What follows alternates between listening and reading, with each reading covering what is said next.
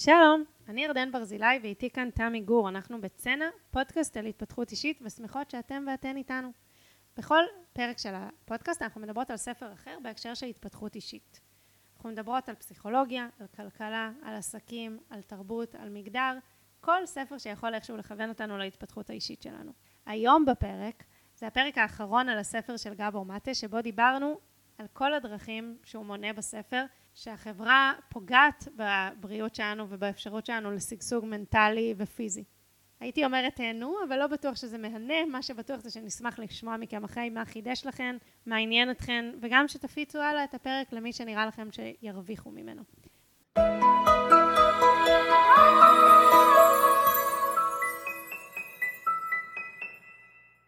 היי תמי. היי ירדן. היום אנחנו מקליטות את הפרק הרביעי והאחרון על הספר המדהים של דוקטור גבור מטה, The Myth of Normal. היום בפרק אני רוצה שנדבר על כל הדרכים שהוא מזכיר שבהן החברה שלנו מזיקה לבריאות שלנו. דיברנו עד עכשיו הרבה על הדברים שקורים בתוך הבית, על הדבר האישי, אבל בעצם מה שהוא מראה בספר זה את המים מהמשל שדיברנו עליו בפרק הראשון אני אזכיר אותו שוב לטובת מי שלא זוכרות או לא שמעו. שני דגים צעירים שוחים בים והדג הזקן עובר מולם ושואל אותם מה העניינים, איך המים היום? מסתכלים עליו, לא מבינים מה הוא רוצה, ממשיכים לשחות ואז דג אחד אומר לדג השני, מה זה מים? משל לזה שכשאנחנו בתוך משהו עמוק עמוק עמוק, הרבה פעמים אנחנו אפילו לא מודעות, מודעים למה זה הדבר הזה. האמת שאני הרבה פעמים מרגישה את זה מול צעירים. וואלה, שמה? שיש דברים שאנחנו מודעים אליהם, אני משערת שזה ככה בין כל הדורות, כן, לא קשור ספציפית, שאנחנו מודעים והם פשוט כבר גדלו על השינוי, אז הם לא, זה לא משהו שבכלל במודעות שלהם שהוא קיים או שהוא אישו או... כן, כן. אחד המסרים המרכזיים של הספר, למה הוא נקרא The Myth of Normal? כי הוא בעצם אומר, אמרו לנו שזה נורמלי, אבל בואו נבחן רגע שוב מחדש את העניין הזה, הוא, הוא אומר את זה בצורה אפילו יותר בוטה. הוא אומר זה נורמלי, זה לא נורמלי, נורמלי זה כל הדברים הבריאים והנפלאים שיכולים לקרות, בפועל מה שמספרים לנו שנורמלי זה לא נורמלי. ורוצה לעורר אותנו להסתכל בעין ביקורתית על מציאות שאמרו לנו שהיא כוח המציאות שהיא חובה וככה העולם מתנהל. ובעצם אולי זה אה, חוץ מזה שזה נכון שהוא ככה מתנהל אולי זה לא נורמלי ואולי השאיפה שלנו צריכה להיות אחרת אני רוצה רגע להגיד את ה... את ה... בכותרות ואז זה שהתרבות שלנו היום מאוד מאופיינת בחוסר ודאות, קונפליקט ותחושה של אובדן שליטה. דבר שני זה חיב... אה, אובדן החיבור לרוח האנושית גם בעיקר במובן של ניתוק זה מזה, נדבר על בדידות ועל אה, כן, תחושה של ניתוק. אה, הוא מדבר על סוציופתיה כאסטרטגיה, זה שיח שלם על uh, עולם התאגידים, השיווק והמכירות כסימפטום ומחלה לניתוק ופגיעה בבריאות. הוא מדבר על חוסר השוויון העמוק הגזעי במובנים הבריאותיים ועל החוסר שוויון המגדרי ועל כמה שאנשים משלמות מחירים בריאותיים גבוהים יותר ובסוף הוא מדבר על הפוליטיקה שלנו וכמה היא רוויית טראומה וכבר שוב זה מעגל שמנציח את עצמו היא נראית ככה בגלל הטראומה וזה גם הולך ומעמיק את הטראומה. אז ככה הוא מדבר על שינויים כלכליים בעולם על העמקה של פערים כלכליים שהולכת וגוברת ועל חוסר ודאות בעולם שהוא משתנה מאוד מהר. פעם אנשים היו נכנסים למקום עבודה ועובדים בו כל החיים שלהם ואפילו הייתה להם קביעות והם ידעו שזה מה שהם יעשו והייתה יציבות. העולם היום מתאפיין בחוסר יציבות פיננסית שזה דבר שגורם להרבה מאוד סטרס. דיברנו שבסוף המהות של כל התיאוריות שלו והתוכן של הספר זה סטרס. זאת אומרת הכל בסוף מתחבר. אז חוסר יציבות פיננסית ותעסוקתית זה דבר אחד. דבר שני שמאפיין את החברה שלנו שגם קשור בקפיטליזם ובתחרותיות זה פחות תמיכה. זאת אומרת יש פחות הדדיות אלא יותר אה, הישגיות ותחרותיות ואז אנשים פחות מקבלים את העזרה והתמיכה שהם צריכים ויותר מתמודדים לבד עם כל מיני אתגרים בחיים שלהם ועם החיים עצמם שהם אתגר גדול. עליית מחירים ועלייה בפערי המעמדות ובכלל מדבר על זה שכל הקפיטליזם היא בעצם מערכת שבנויה לטובת העשירים, היא מתגמלת יותר את מי שעשיר ואז מעבר לזה שהפערים הולכים וגדלים גם אין תמיכה במי שבמעמדות אה, נמוכים יותר. כי היא מכילה איזושהי שיפוטיות בתפיסה שלה? לא, היא בנויה על להרבות הון, ואז הון קל יותר להרבות הון כשיש הון. לא, אני מבינה למה זה קל יותר, אבל למה אין תמיכה במי שעוד אין לו את ההון הראשוני? כי המערכת לא מתגמלת את זה פיננסית, והיא מתנהלת מתוך כדאיות פיננסית לכאורה. שוב, זה פרסונלי ולא, זאת אומרת, אם היו מסתכלים על זה במבט אה, חברתי, אז זה לא ממקסם את, אה, את טובת הכלל, אבל כן יש יותר אפשרויות פיננסיות לצמיחה לאנשים שכבר יש להם. ואז הפערים הולכים וגדלים ואין תמריץ כלכלי מספיק טוב לעזור לאוכלוסיות המוחלשות. כן, אני מבינה, אני שואלת אם זה בגלל גם עמדה שיפוטית, שיפוטית שמשרתת את המטרה. אין לנו אינטרס לעזור לחלשים, כי אנחנו רוצים לגרום לאנשים שלא ירשו לעצמם להיות חלשים. משהו כזה. גם, כן. זה, זה בוודאי יש אמירה של כאילו, הוא עבד קשה וזה, אז, אז מגיע לו, ופחות מסתכלים על זה שגם מלכתחילה הרקע הוא שונה, וגם מתגמלים, שוב, את מי שכבר בתוך המרוץ הפיננסי הזה, הוא מתוגמל עוד יותר לתגבר את ההון שלו. יש פה רשימה של אה, צרכים רגשיים וחברתיים שהוא מביא שלא אה, מתועדפים גבוה בכלל בתרבות שלנו. ולפני זה אני אגיד, יש פה ציטוט של אה, ברוס פרי, הוא פסיכיאטר ילדים אמריקאי שכתב ספר, ספר עם, אופר, עם אופרה ווינפרי על טראומה שנקרא מה קרה לך, what happened to you? זה גם על המדף שלי מתישהו נגיע לזה ויש פה ציטוט שלו. כשאנשים מתחילים לאבד את תחושת המשמעות ונוצר ניתוק get disconnected אז מתחילה מחלה. זו ההתפרקות של הבריאות שלנו המנטלית הפיזית החברתית. זה הנקודה שבה היא מתחילה אז אובדן תחושת משמעות והריחוק נובעים בין השאר מגלובליזציה ועיסוק ותעדוף של צבירת הון ושל קנייה ושל דברים כאלה.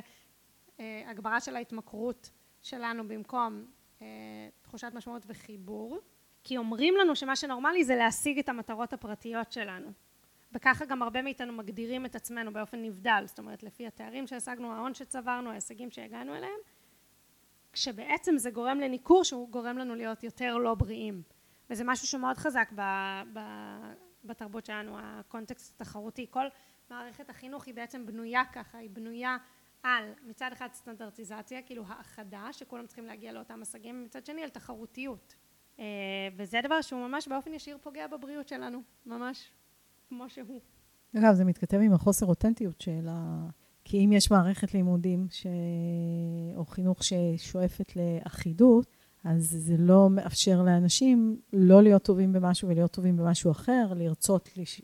לרצות אפילו אורח חיים אחר, לא כולם צריכים להיות בעלי מקצוע במסלולים מסוימים, אלא מה שרואים יותר באירופה אגב. להיות חסר השכלה, מדריך סקי בחורף וחקלאי בקיץ, זה בסדר.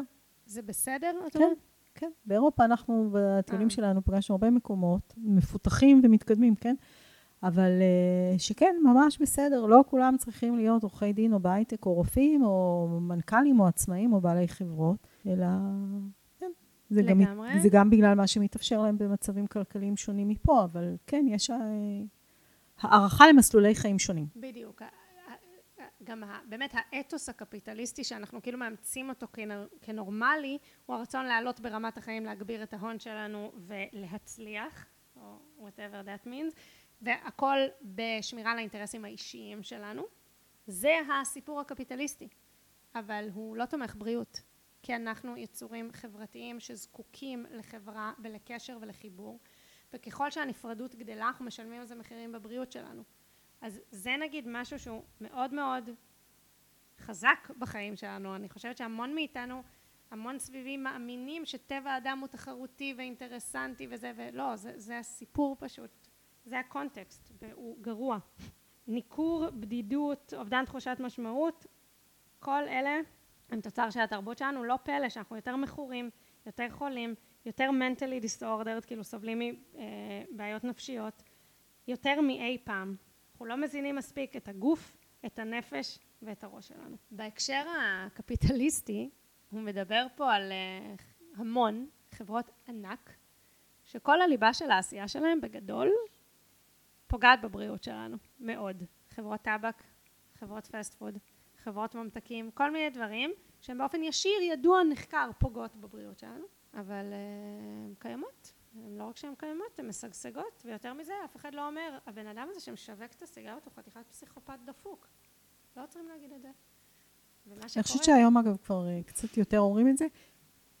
גם כי זה פוגע בבריאות שלנו בשני רבדים. אחד, המוצר הישיר, ובית כל אופן התיעוש, שיווק, שינוע, ניצול משאבי טבע בשביל הייצור.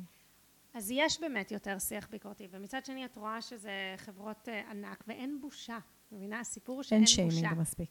זה לא, כאילו, זה בסדר להיות, לא מזמן דיברתי עם מישהי שהיא אישה, מה זה מדהימה? כאילו, מדהימה, מדהימה, מדהימה, מדהימה.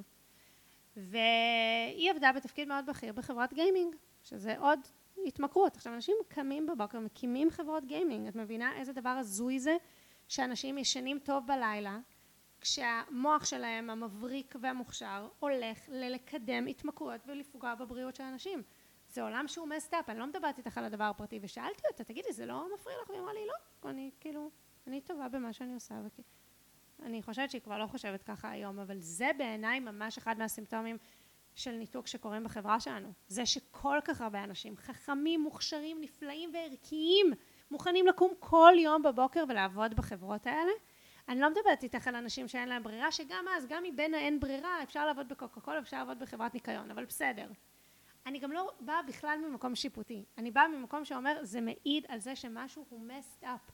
והוא מביא פה דוגמאות לכאלה אנשי שיווק בחברות ענק כאלה שעושות מיליון נזקים שהתפכחו והם לא הצליחו לישון טוב בלילה, הם לא ישנו בלילות. אי אפשר באמת באמת לישון טוב כשהעיסוק המרכזי שלך ביום יום הוא להגביר התמכרות ופגיעה בבריאות של אנשים. אנשים מספרים לעצמם שהם יכולים לישון טוב אבל כל מי שפוגע באנשים אחרים סובל מנזקים בבריאות שלו, לא פחות מאנשים שעושים דברים גרועים לעצמם. זה נתון מבוסס מה שאת אמרת לא יודעת. אני בטוחה בזה, אבל... אוקיי. זה לא משהו שהוא אומר באופן ישיר בספר, על הפגיעה באנשים אחרים. אני פשוט חושבת שזו תמונת מראה של בדיוק אותם דברים. לא, וזה... זה מאוד מראה על הערכים החברתיים, כי אם הערכים החברתיים זה אה, הישגיות וגדילה וכסף, ואפרופו לא לדעת מה זה מים, אז כשאתה הולך לעבוד, ב... יש את האופציות הבינאריות, קוראים לזה נדמה לי, כן, נכון? כן. אה, או במכירות כאלה של דברים מזיקים, או זה. הרבה מהעובדים בכלל לא שואלים את, הם לא מודעים לזה שהעסק הוא מזיק ושיש פרמטרים אחרים לעבודה, שאתה יכול לבחור לא לעבוד במקום שהוא מייצר נזק. אני חושבת, אני לא חושבת שהסיבה זה שהם לא יודעים. אני חושבת שיש פה כמה דברים. קודם כל אני חושבת שיש אה, מיעוט בלקיחת אחריות שזה לגמרי תוצר של טראומה. אגב לגמרי תוצר של פגיעה. המחשבה שאני רק בורג קטן וההשפעה שלי על העולם או על החיים היא, היא קטנה. דבר שני זה מין כזה אוקיי כאילו זה עומד מול זה. אני או בביטחון האישי והכלכלי של המשפחה שלי עכשיו ולעבוד בפשרה הזאת או לא אז אני, אני בוחרת בזה שזה טווח קצר אולי באמת זה עדיף מבחינה מנטלית אפילו מבחינת בריאות הנפש כי גם סטרס כלכלי זה דבר שהוא בעייתי. אבל טווח ארוך אני לא מאמינה שזה sustainable הדבר הזה. כאילו אנשים משלמים מחירים וכן יש ניתוק יש ניתוק רגשי. גם ממש ניתוק ממש גם ממש כאילו ניתוק. בין ההשפעה שלי למה שקורה בפועל אבל גם בין הנכונות שלי להכיר בהשפעה. נגיד אתן דוגמה. נגיד זה לא רק האם אה, פלסטיק זה מזהם או לא, שכאילו גם על זה אנשים עוד יכולים כאילו להדחיק. זה גם עוד רובד של האם זה שאני פעם בשבועיים זורקת כמה צלחות פלסטיק זה משנה או לא, זאת אומרת הניתוק הוא בהמון המון רבדים. אז הוא מדבר פה על תעשיית המזון המהיר, על uh, זה שבאוכל יש המון המון מלח ושומן וסוכר, זה גם ממכר ופוגע בבריאות. הוא מדבר על תעשיות מזהמות, הוא מדבר על כל מי שמייצר מוצרים התמכרותיים כמו חברות טבק והוא מדבר פה על חברות התרופות. אמ, בדיוק לא מזמן שינו את אה, שם בית הספר אה, למנהל עסקים באוניברסיטת תל אביב. הוא היה רקנטי ואז משפחת קולר תרמה המון המון כסף ושינו את השם לקולר ועכשיו הורידו את זה. כי קולר הם אחראים לאחת חברות התרופות שגרמו להתמכרות לאופיואידים שזה משככי כאבים הכי גדולים בארצות הברית. והרבה מקומות שקיבלו מהם כסף הפסיקו לקבל מהם תרומות סלאש הורידו את השם שלהם אבל זה נגיד דבר שאת אומרת, וואו, וזה גם בטח אנשים די נורמטיביים לכאורה, כאילו, את יודעת, אבל זה רק מראה לך על עומק הפגיעה. זה שאנשים יכולים לקום בבוקר ולהמשיך לעשות כסף על גב זה שהם הורסים את החיים של אנשים אחרים, הורסים את החיים, כאילו, בואי, גם אם יש מזה שיקום, זה כאילו, זה, כן, זה ממש דברים שמעידים בעיניי על, אה, על טראומה, ועוד לא דיברנו על משבר האקלים, שזה באמת, כאילו, הזכרתי את זה עכשיו עם פלסטיק. כן, זה, זה, זה תוצר של ניתוק. לייצר לעצמנו כאלה נזקים זה תוצר של ניתוק. את ראית את הסרט איירין ברוקוביץ'? כן. אז הנה, למשל שם חברה שהיא יודעת כבר כן, שתושבים כן. חולים ומתים ממה שהיא עושה, והם ממשיכים uh, להסתיר את זה. כן. נגיד בקצרה, כי דיברנו על זה לא מעט, על מערכת הבריאות, שהיא uh, כוחנית. שהיא משמרת אצלה את השליטה והאחריות. שוב, זה משחק כזה על להגן על עצמם. אה, זה אחד הדברים שהוא מסמן כ... הוא מדבר הרבה כ... מאוד על מערכת הבריאות, mm-hmm. על זה שלא שואלים אנשים מה קרה להם באמת, מנסים להכניס אותם לתבניות, עושים את זה מהר. בכלל, מערכת הבריאות שלנו, שאנחנו סומכים עליה ומאמינים לה, היא לא מייצרת בריאות. בהמון המון המון מקרים. יש חשיבות מאוד גדולה לרפואה המערבית וליכולות שלה בשביל לאפשר קרקע פיזית מספיק מוצקה כדי להתפנות לריפוי. אבל בין מערכת הבריאות לבין ריפוי, שנות אור. אגב, ברמה האישית זה לא נכון. הוא מביא פה מלא מלא, הוא ראיין אלפי אנשי צוותים רפואיים שעושים מלא בשביל ריפוי. אבל הם פועלים למרות המערכת. והם צריכים או להחריש, או לשלם מחירים חברתיים מאוד מאוד גדולים, או למצוא ערוצים מקבילים בשביל לעשות את הפעולה שלהם. כי כשהם פעלו מתוך המערכת והביאו את העמדות האלה, הם הרבה מאוד שילמו על זה מחירים. יש לך דוגמה? כן, הוא ממש מדבר פה על זה שסטודנטים לרפואה שעשו, עשו, אה, ראו שיש אה, אה, הקלה משמעותית בסימפטומים, כשבן אדם רק יכול לבטא את הקושי שלו, אוקיי? אבל אז נזפו בסטודנטים שעשו את זה בגלל שהם לא תקתקו מספיק מהר את הפציינטים. וזה עוד בלי לדבר על שימור מערכי כוח ובאמת תופעות מאוד מאוד קשות של שימוש בכוח בתוך uh, המערך הזה של עולם הבריאות, אבל זה, אוקיי, בכל מקום שיש אינטראקציה יש את זה, יש גם התעמרות בעולם העבודה, אבל המערכת הבריאות הנורמטיבית הטובה היא כזו שלא פותרת את בעיות הבריאות שלנו. זה ממש, אה, כאילו, זה חתיכת אה, דבר להתבונן בו. מעניין אם היינו משנים את ההגדרה של מערכת הבריאות. מה הכוונה? או של התפיסה של הבריאות שלנו. של נניח אם היו מגדירים שמערכת הבריאות היא בדיוק מה שאת אמרת. היא מטפלת בסימפטומים לרמה כזו שתאפשר לך להתחיל תהליך של ריפוי. לא היא תרפא לך את הזה, אלא... כן.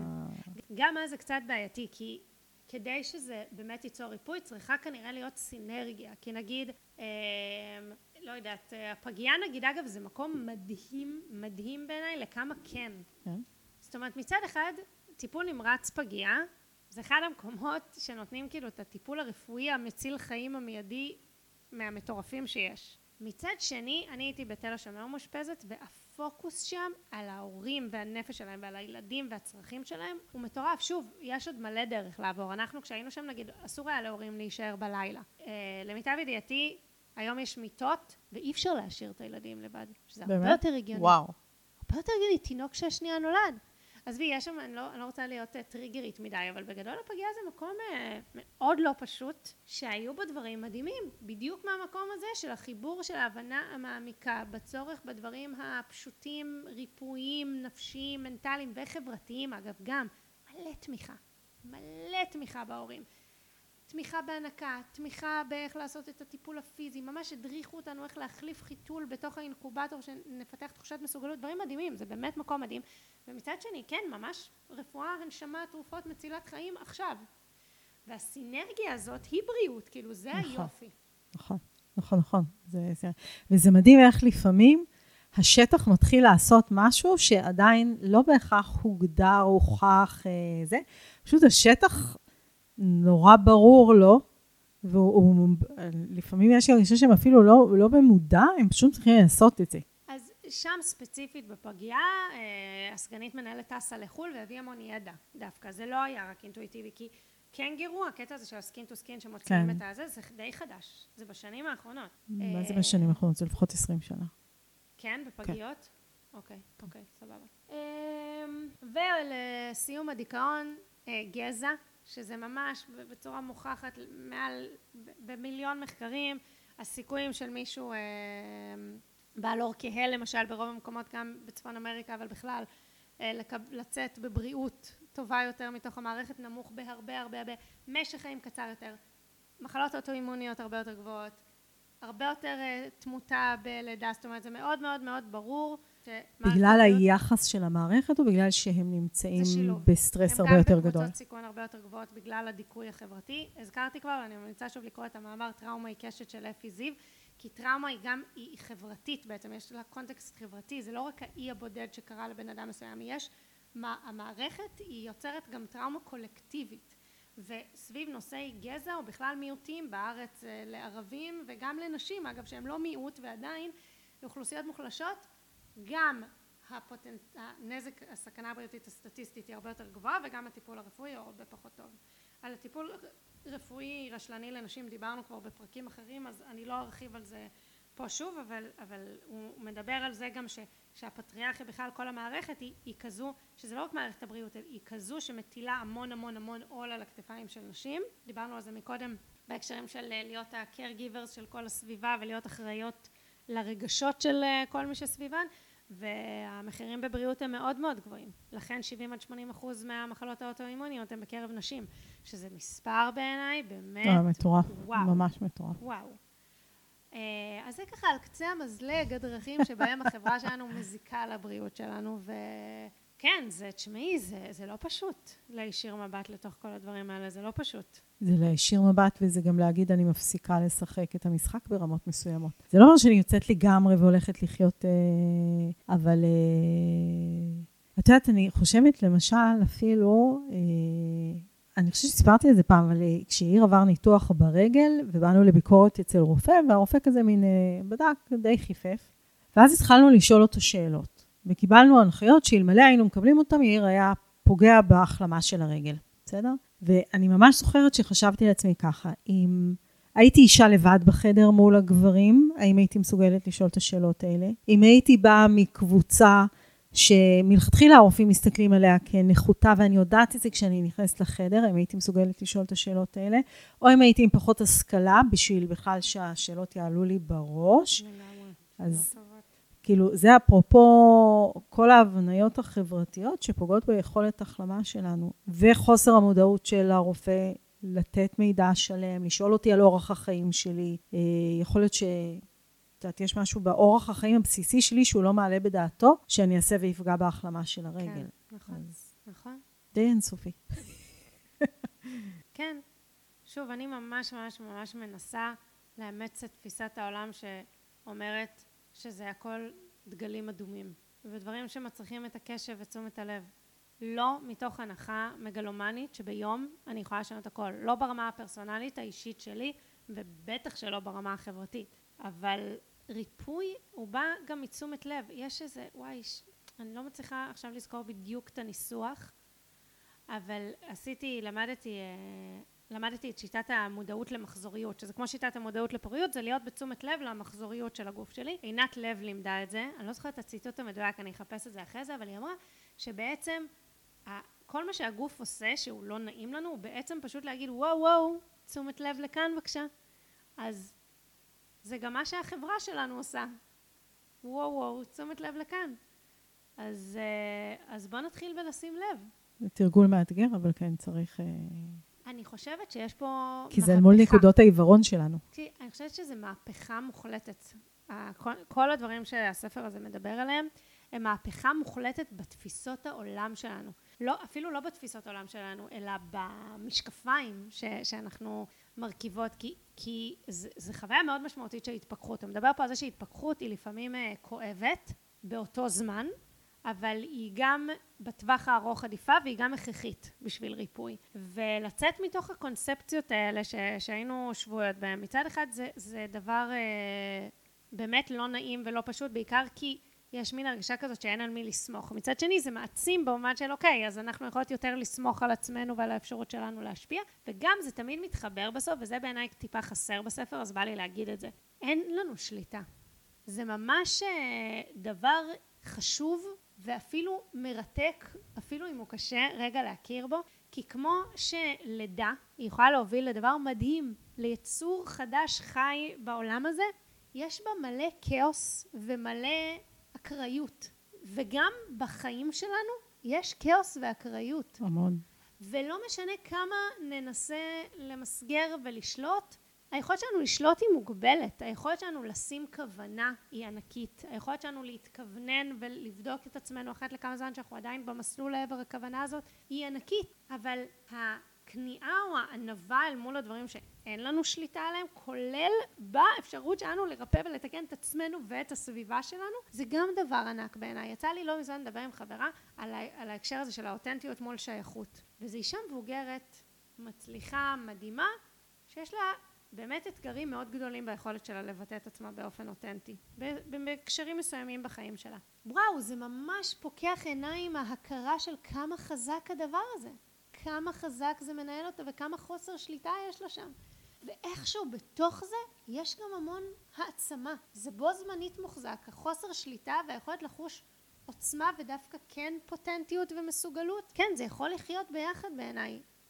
לא ברצף, לא כל הזמן, לפעמים יהיה נפילות ויהיה נורא קשה ונרגיש הכל חרא או אין לנו מה לעשות או זה גדול עליי או לחילופין לא נהיה אפילו מודעות ופשוט נתנהל מתוך המקומות האלה ומשך הזמן מתוך כלל היום יום שלנו שבו אנחנו בתשומת לב ולא מתנהלות יכול ללכת ולגדול אני באמת מאמינה בזה. עולה לי בראש כאילו אולי בקשה שאנחנו צריכות אה, לבקש שהיא טריקית קצת אבל לבקש מחברות, מסובבים אותנו וזה, להאיר לנו את נקודות העיוורון האלה. עכשיו, זה קצת טריקי, כי לפעמים אם אתה לא יודע אם הבן אדם יכול לעשות עם זה משהו או לא, אז אתה לא בטוח אם זה נכון להאיר לו את זה באלף, אבל כמו שאמרנו, בלי להסתכל, אם לא נתחיל להסתכל, אז אין שום סיכוי שנשנה. דיברנו על זה מזמן, בפרק 9 בספר על כוחו של הרגע וואו, הזה. וואו, איך את זוכרת. כן. כי אחד מהדברים שמעניינים אותי מאוד זה יכול להיות באמת לשקף לאנשים את הנקודות העיוורון שלהם בלי שיפוטיות ומתוך חמלה וההרגשה שלי שוב זה בסביבה שלי אני לא אומרת שזה ככה בכל מקום שיש כמיהה לזה. אנשים אינטואיטיבית מבינים את הבריאות שיש בזה והם רוצים את זה ואם הם מקבלים את זה ממישהו שלא שופט אותם על זה ופשוט מאיר את עיניהם אני, אני מרגישה שזה נורא נעים ומרפא ורצוי. שוב בסביבה שלי לא אומרת שזה נכון לגבי כולם. אני אתן לסיום דוגמה שפשוט מתקשרת לי ואתמול שמעתי אותה. באיראן החזירו את uh, משמרות הצניעות uh, שאסור לנשים ללכת בלי בורקה על הראש במרחבים ציבוריים. והרבה צעירות לא משתפות עם זה פעולה עכשיו ואתמול שמעתי ראיון עם מישהו שהוא מתמחה באיראן, והמראיינת שאלה אותו איך זה יכול להיות, כי יש לזה עונשים וכולי. אה, והוא אמר, לפני התקופה שאפשרו את זה, כשהיו כל הזמן משמרות הצניעות, אז זה כאילו לא היה במודעות או בתחושת המסוגלות שאפשר בלי. והיום כשהם טעמו את החופש הזה, אה, לא כל כך יהיה קל להחזיר אותם אחורה. וזה המשהו הזה שכשאנחנו, מתכתב עם משל המערה, אה, כשאנחנו רואים משהו, קשה כבר, אה, לא תמיד נצליח ללכת איתו עד הסוף וכל הזמן, כמו שאמרת, אבל ה... היכולת להסתכל על זה, היא כבר מתחילה להוביל אותנו לאט לאט למשהו. לגמרי. תודה רבה. תודה לך, תמי.